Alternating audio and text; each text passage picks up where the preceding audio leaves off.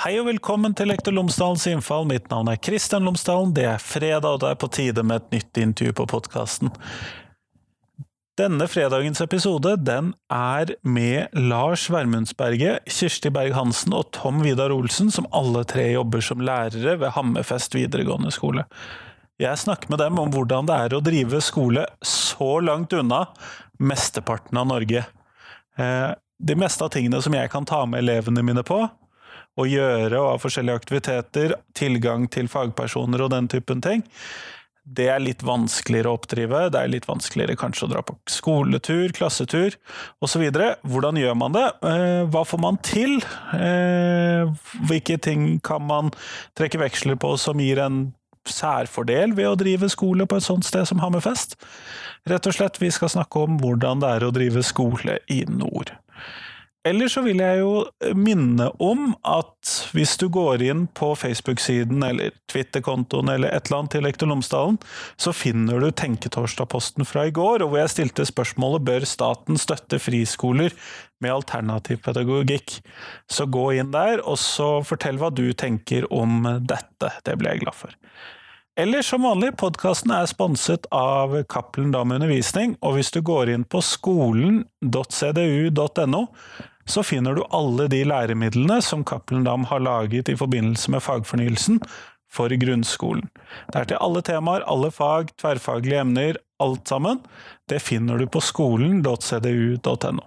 Men her kommer intervjuet med Lars, Kirsti og Tom Vidar. Vær så god.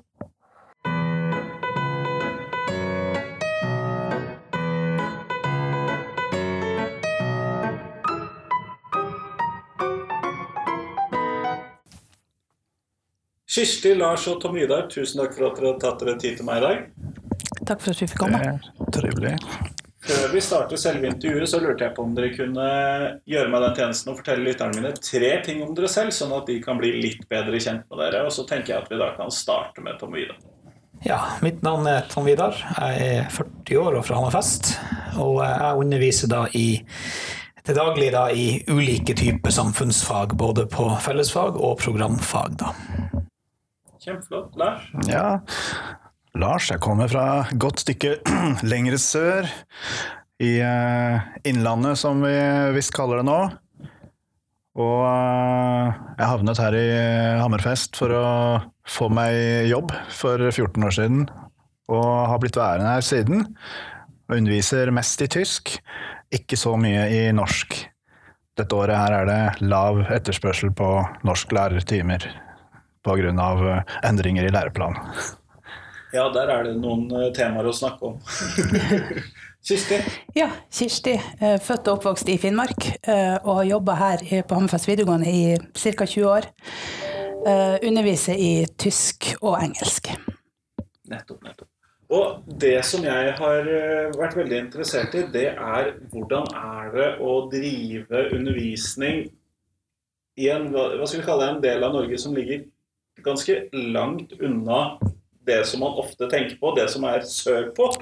Der hvor alle beslutninger tas, og hvor eh, det store fellesskapet av norske lærere sitter. Hvordan er det å drive undervisning her oppe på verdens tak, da? Hvilke utfordringer er det som er særlige? Jeg tror at, at um, veldig mye av det som foregår her, er akkurat det samme som foregår i resten av, av Norge. Men vi har noen spesielle utfordringer som, som skiller seg ut, uh, hvor vi skiller oss ut. Uh, statistikker rundt utdanning i Finnmark viser jo at, at, ungdom fra Finnmark gjerne faller fra i større grad enn ungdom fra andre sida. Jeg skal kanskje si Troms og Finnmark nå, uh, siden vi er et nytt fylke, vi også.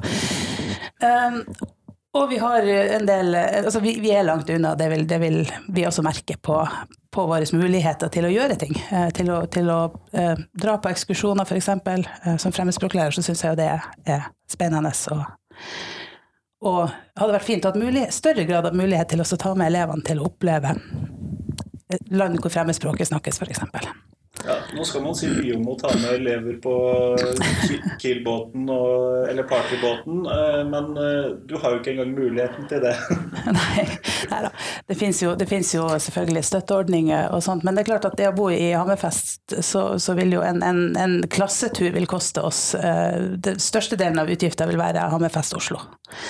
Eh, Og dermed så er det vanskelig å få til den type aktiviteter som vi egentlig har lyst til å drive mye mer med. Så derfor har vel det praktisk talt ikke skjedd på veldig mange år. At det har blitt en regelrett skolestur til eh, Tyskland, f.eks. Ja, altså vi, vi ser det innenfor samfunnsfagene nå, f.eks. det å drive undervisning her oppe i, i politikk, for eksempel, da, som er på VG3, som vi har i politikk og menneskerettigheter, og det å kunne vel dra på Stortinget eller på sosiologien dra i en, en, en, en rettssak og få med seg, eller eh, også det å bare få besøk fra folk fra de større institusjonene, eh, er særdeles vanskelig. Eh, og, og det gjør at de praktiske mulighetene i en del fag er, skaper en del utfordringer, rett og slett. Um, en skoletur til Oslo, la oss si en politikklasse på 15 elever, eh, for å være borte i tre dager i Oslo og få med seg litt ulike institusjoner, det er en 80 000-100 000 i utgifter. Som ikke bare å få dekket inn i et Skole-Norge uten penger. Eller der pengene holdes tett på, i hvert fall. Ja, nei, Det ville vært et kolossalt brudd på gratisprinsippet å skulle lempe det på elevene. i hvert fall. Ja, det er vi veldig klare på at det gjør vi ikke. Nettopp. Men når vi da eh, sitter i en sånn situasjon som dette her, så er det jo da kanskje noen særegne eh, Mange av elevene bor, kommer jo ikke herfra. Hvordan er det? Nei, altså Vi har jo et, eh, et internat vegg i vegg med skolen der alt alltid mellom 50 og 80 elever eh, fra år til år da bor. Eh, fra 16 år og oppover. Og eh, Kirsti prater litt om det her med frafallet, annet. Vi vet at frafallet blant borteboere, annet i, i statistikken, da, sier at det er litt høyere. Det er klart at det, det er hardt for en del 16-åringer å flytte hjemmefra og bo på hybel med ganske lite tilsyn. Litt tilsyn får dem, men begrensa. Ja, og det har jo å gjøre med de store avstandene vi har her, som gjør at så mange må komme hit. Samtidig er jo det her en eh, skole som er eh, sammenlignbar i størrelse med veldig mange videregående skoler lenger sørpå også. Så selv om vi er langt mot nord, så er ikke vi de mest marginale, for å si det på den måten. Nei, for dere er rundt 400 elever, så vidt jeg forstår. Ja. Og det betyr jo også at vi er eh, Ja, vi kan si at vi er og har fagmiljøer i, i praksis alle fag. Så vi har jo også mange ting som er relativt normale her hos oss, tross alt. Ja, altså Sammenligna med, med, med en skole på f.eks.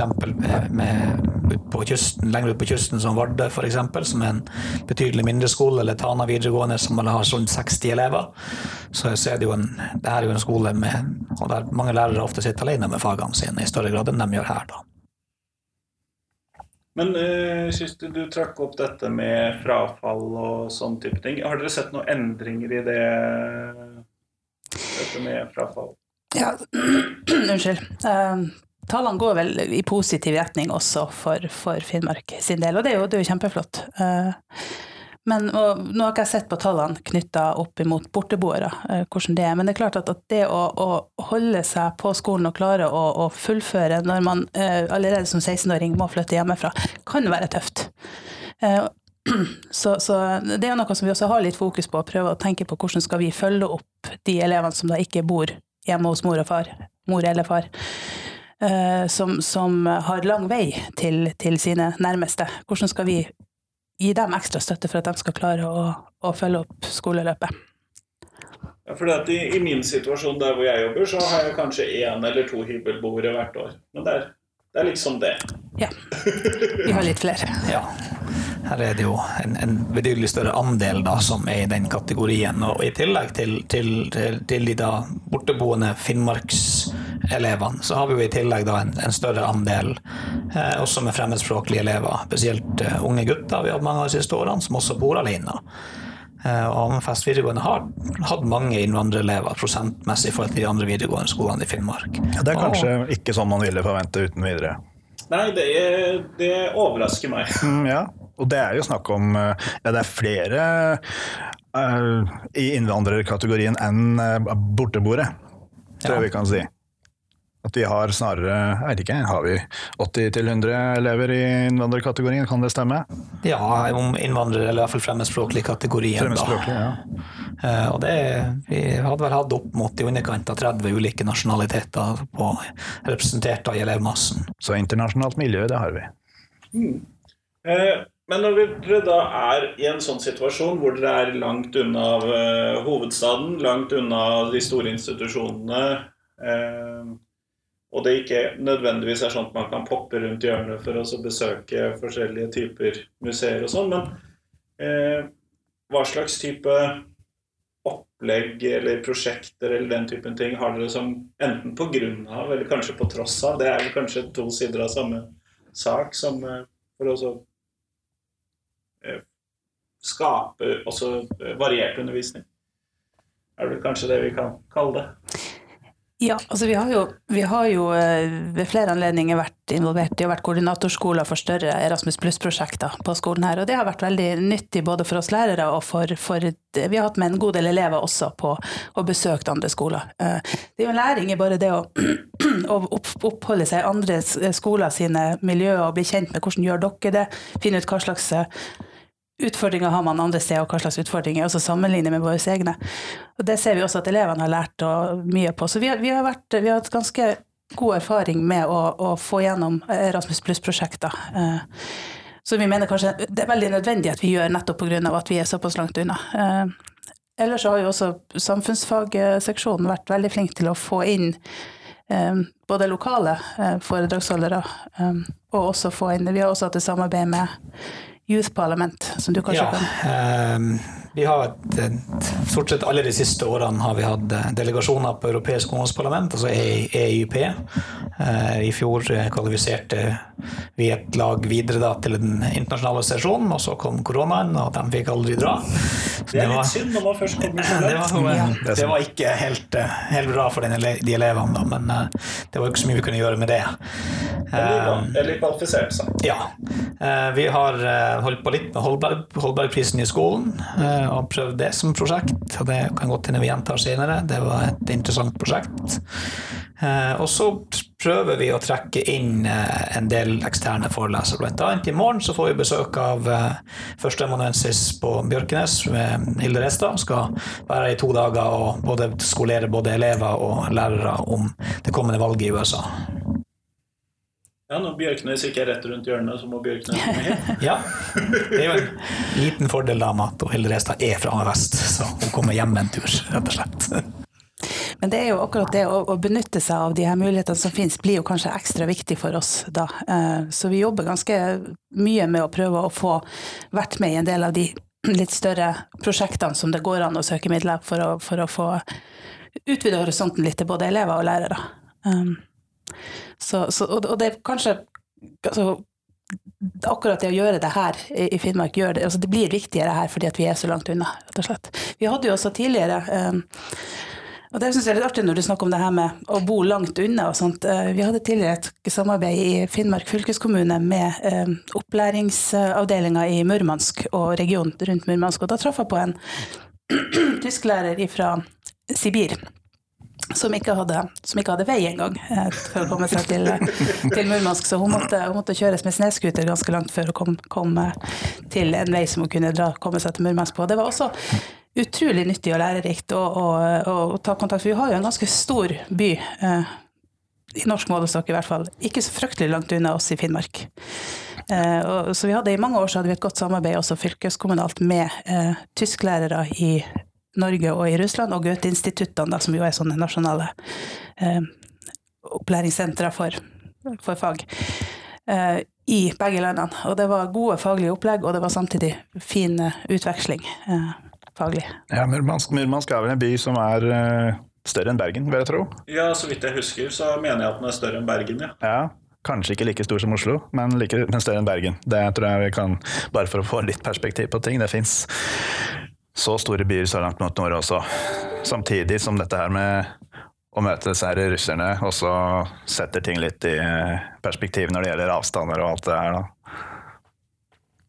Det gjør jo det. Og eh, for det har jo jeg tenkt litt på. Eh, Når jeg skal være sensor på en annen skole, eller når jeg skal samarbeide med en annen skole, eller møtes på et kurs med en annen skole, så i verste fall så må jeg Jeg har to timer nordover og tre timer sørover. Og to timer innover. Og det er liksom Det er min worst case. Mesteparten skjer i sentrum likevel. Uh, og det er der jobben min ligger. Men så vidt jeg forsto, så var det 55, km, 55 mil til Kirkenes. Ja, det er vel sånn cirka, i hvert fall. Eh, Jeg har hatt sensoroppdrag i Båtsfjord, eh, og på våren her eh, så er det to måter å gjøre det på. Det er enten å fly, og da er det en, på våren her så er det en reell fare for at det er mye tåker på kysten, og ikke komme ned. Og sikre steder å kjøre sjøl. Det er 52 mil én vei. Så da kjører man bort dagen før, legger seg på sover, tar opp og sensurerer, og så kjører man hjem igjen. Så det er jo en avstand på litt over 100 mil på et sensoroppdrag. Det har, jeg vært flere runder på. Ja, jeg har, vært og kjørt, har kjørt til Kirkenes jeg også. Det er sånn der man får uh, følelsen av uh, land, landet. Det er langt. Ja, det er jo bare sånn for det også litt i perspektiv. Det gamle Finnmark fylkeskommune, og uten dagens sammenslåing, så er det et fylke med kun 75 000 mennesker i, men det er da større enn Danmark. Og større enn Nederland med sine 17 millioner. Så det er jo et svært område med lite, egentlig ganske spredd befolkning. Ja, det, det skaper noen utfordringer som jeg ikke er vant til å tenke på, i hvert fall, hører jeg. jeg har bodd i Tromsø, men Tromsø er jo ganske sentralt, det også. Ja, og det bor like mye folk i Tromsø som det gjør i Finnmark. Så. Ja. Men hvis vi skal ta oss, for vi står jo i en prosess. Det er Tromsø og Finnmark har slått seg sammen. Vi skal lage en ny opplæringslov. Eh, eh, Vi står midt i en fagfornyelse som eh, skal gjennomføres, hvor vi skal oppdatere fagene.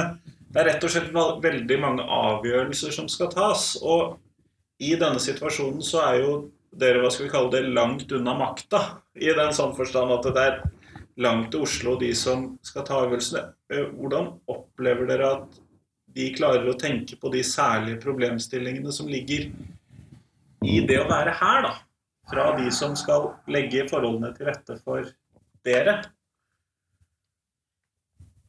Nei, altså, jeg, jeg tror ikke det er Når det gjelder sånn som de problemstillingene jeg tenker på i starten, eksempel, at det å kunne utnytte og ha gjøre ting i undervisninga for å få ting mer praktisk, eh, mindre, altså knytte teorien til det faktiske forhold, eh, med å kunne besøke institusjoner, museer etc. Eh, Det er klart at det er det ikke tenkt på i en sånn tanke. Det er jo, en, det er jo egentlig på, på et lokalt plan. Vi vi må løse det sjøl. Jeg, kan ikke se at det er noe større tanke bak hvordan man skal prøve å utjevne en sånn type forskjell, f.eks. Det, det er noen tanke med at det her fikser dem. Det er jo et fåtall institusjoner her som vi kan ha nytte av like i nærheten. Det kan skje. Og ellers er det jo først og fremst en stor og vid natur, i den grad eh, for de fag hvor det er aktuelt. Ja, det er mye natur. Det er mye natur. Det har jeg sett. Og under normale omstendigheter så kan vi treffe tyske turister, for det kommer jo eh, Hurtigruta inn her hver dag.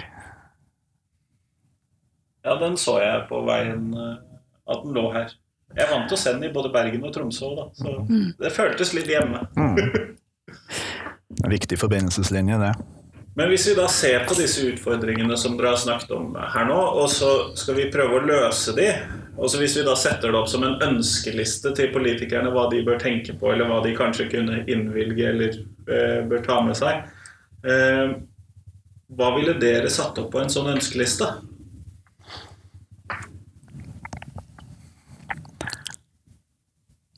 Man må jo ta høyde for at eh, det ofte må reises litt hvis man skal få uh, utrettet noe faktisk samarbeid. Selv om vi har eh, blitt kjent med teknologi akkurat nå i år som viser at det er mulig å gjøre det nærmest hvor som helst også. Vi kan kvittere ut noen møter, kan vi kvittere ut, men ikke alle møtene. Noe sånt. Så det, det er i hvert fall eh, Jeg vil nok si at da Der måtte det kremtes litt, eh, unnskyld. Eh, At det er eh, Det kan virke som det er eh, selve mm, forståelsen av at, eh, at landet er langt. Den eh, kan svikte når eh, alle avgjørelser alle vesentlige avgjørelser blir tatt veldig langt unna. Og det er nok et uh, problem eller en uh, generell følelse man kan få av å ha stadig større avstand til uh, de som tar viktige avgjørelsene. Sentralisering, sammenslåing i større enheter kan bidra til dette her. Og At det i hvert fall oppleves, eller faktisk også er en større avstand. Ja. ja, det er en større avstand, og det har, vil jeg tro, en del å si eh, hva slags eh, innblikk de som bestemmer, har eh, i situasjonen til folk rundt omkring. Og hvis man kan få gjort de avstandene mindre, så vil det også være mulig for oss å kjenne oss mer eh, inkludert, bli tatt på alvor. Ja, altså det, det som Lars det her med, med, med, med, Det må settes altså Reising er en ting, det må settes av tid. Altså Skal man ha kunne drive ja, Det hadde et ønske her i mange år for mange lærere om å kunne drive eh, nettverk, altså faglige nettverk, spesielt mellom eh, i fag som ikke er så mange av på Der det kanskje er en lærer på en skole her og en lærer på en annen skole som er 40 mil unna. Og en, altså det er noen lærere i, i små fag rundt omkring, og også på små skoler der det er lærere i, i store fag, men som er alene fordi at skolen er liten. Og, og det har vi også her. Vi har lærere her som, som der vi har enkeltlærere som har fag, og som bare er alene i de fagene. Eh, og det å kunne drive faglig nettverk da, det er noe som må settes av tid til. Skal man få noe ordentlig ut av det og, og kunne drive eh, altså drive fram, fram noe faglig eh, arbeid og kunne prate i lag og sette seg ned. Så, så teknologien ja, den kan hjelpe til med noe, men, men det krever òg noen, noen ordentlige fysiske møter. Man må sette seg ned og satt seg med tegnebrett i lag og, og, og skissere ting kanskje på en annen måte enn du får til via Teams, f.eks. Eh, og da, det, det vil kreve noe, noe av på ressurssida. Eh, det må faktisk være satt av tidsressurser til det. Havner det her også opp på alt annet? Så, så, vet vi at det blir, da blir arbeidet også deretter. Eh, og da får man ikke resultatene eller kanskje man vil ha. Eh, og Det samme gjelder jo da kanskje vi har vært inne på unikt for Finnmark at det her med det å planlegge en høy med internasjonalisering, som kanskje kreves å lete etter prosjekter og søke på prosjekter som er ganske store prosesser ofte. Spesielt hvis man skal ha store prosjekter som skal vare over litt tid, så, så, er det sånn at det bør settes av ressurser til det. Eh, av og til har vi fått det. Eh, I andre runder så oppleves det som at det er bare en form for arbeid som man bare forventer at lærerne gjør sånn ekstraarbeid for å få det her ting til. Da. Og det er jo et ønske jeg og lærerne kommer inn, vi ønsker det beste for elevene våre. Vi ønsker jo at de skal få en del sånne her ting.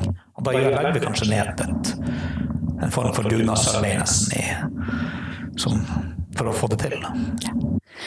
Og her tror jeg ikke nødvendigvis at vi i helt nord i landet skiller oss ut i ønsket om mer tid til å jobbe med, med større prosjekter, ting som går over tid. Eh, vi føler vel kanskje at vi er litt særstilling fordi at vi er så langt unna, men jeg tror det her også er en problemstilling som vi kan finne på lærerværelser rundt omkring i hele, hele landet. Ja. Ja, men Mye av dette hørtes jo kjent ut selv for en som er midt i Bergen sentrum. Så forstår jeg jo det at eh, problemstillingen forsterkes veldig ja. av en del av disse problemstillingene som du trekker fram. Eh, jeg er veldig glad for at dere ble med på podkasten i dag. Tusen takk for at dere tok dere tid til det. Yes. Takk for at vi fikk komme. Ja. Det var interessant å bli hørt.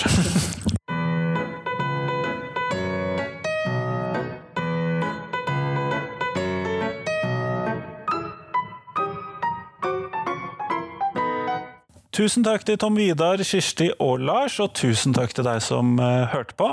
Nå er det noen dager, tre-fire dager til neste podkastintervju. Det kommer som vanlig på tirsdag. Det gleder jeg meg til. Men i mellomtiden, gå inn på Facebook-siden, eh, Twitter-kontoen, Instagram-kontoen eller et eller annet til Lektor Lomsdalens innfall, og så finner du Tenketorsdag-posten fra torsdag som var, 8.10. Og Fortell meg, hva mener du om bør staten støtte friskoler med alternativ pedagogikk? Hvorfor, hvorfor ikke? Del dette med meg, det ble jeg veldig glad for. Men fram til tirsdag så får du ha en god helg. Hei, hei!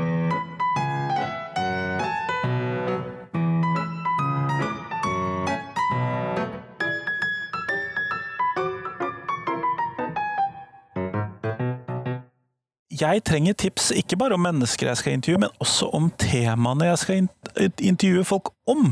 Så send meg gjerne tips til et tema, da trenger du ikke nødvendigvis ha tenkt ut hvem jeg bør intervjue.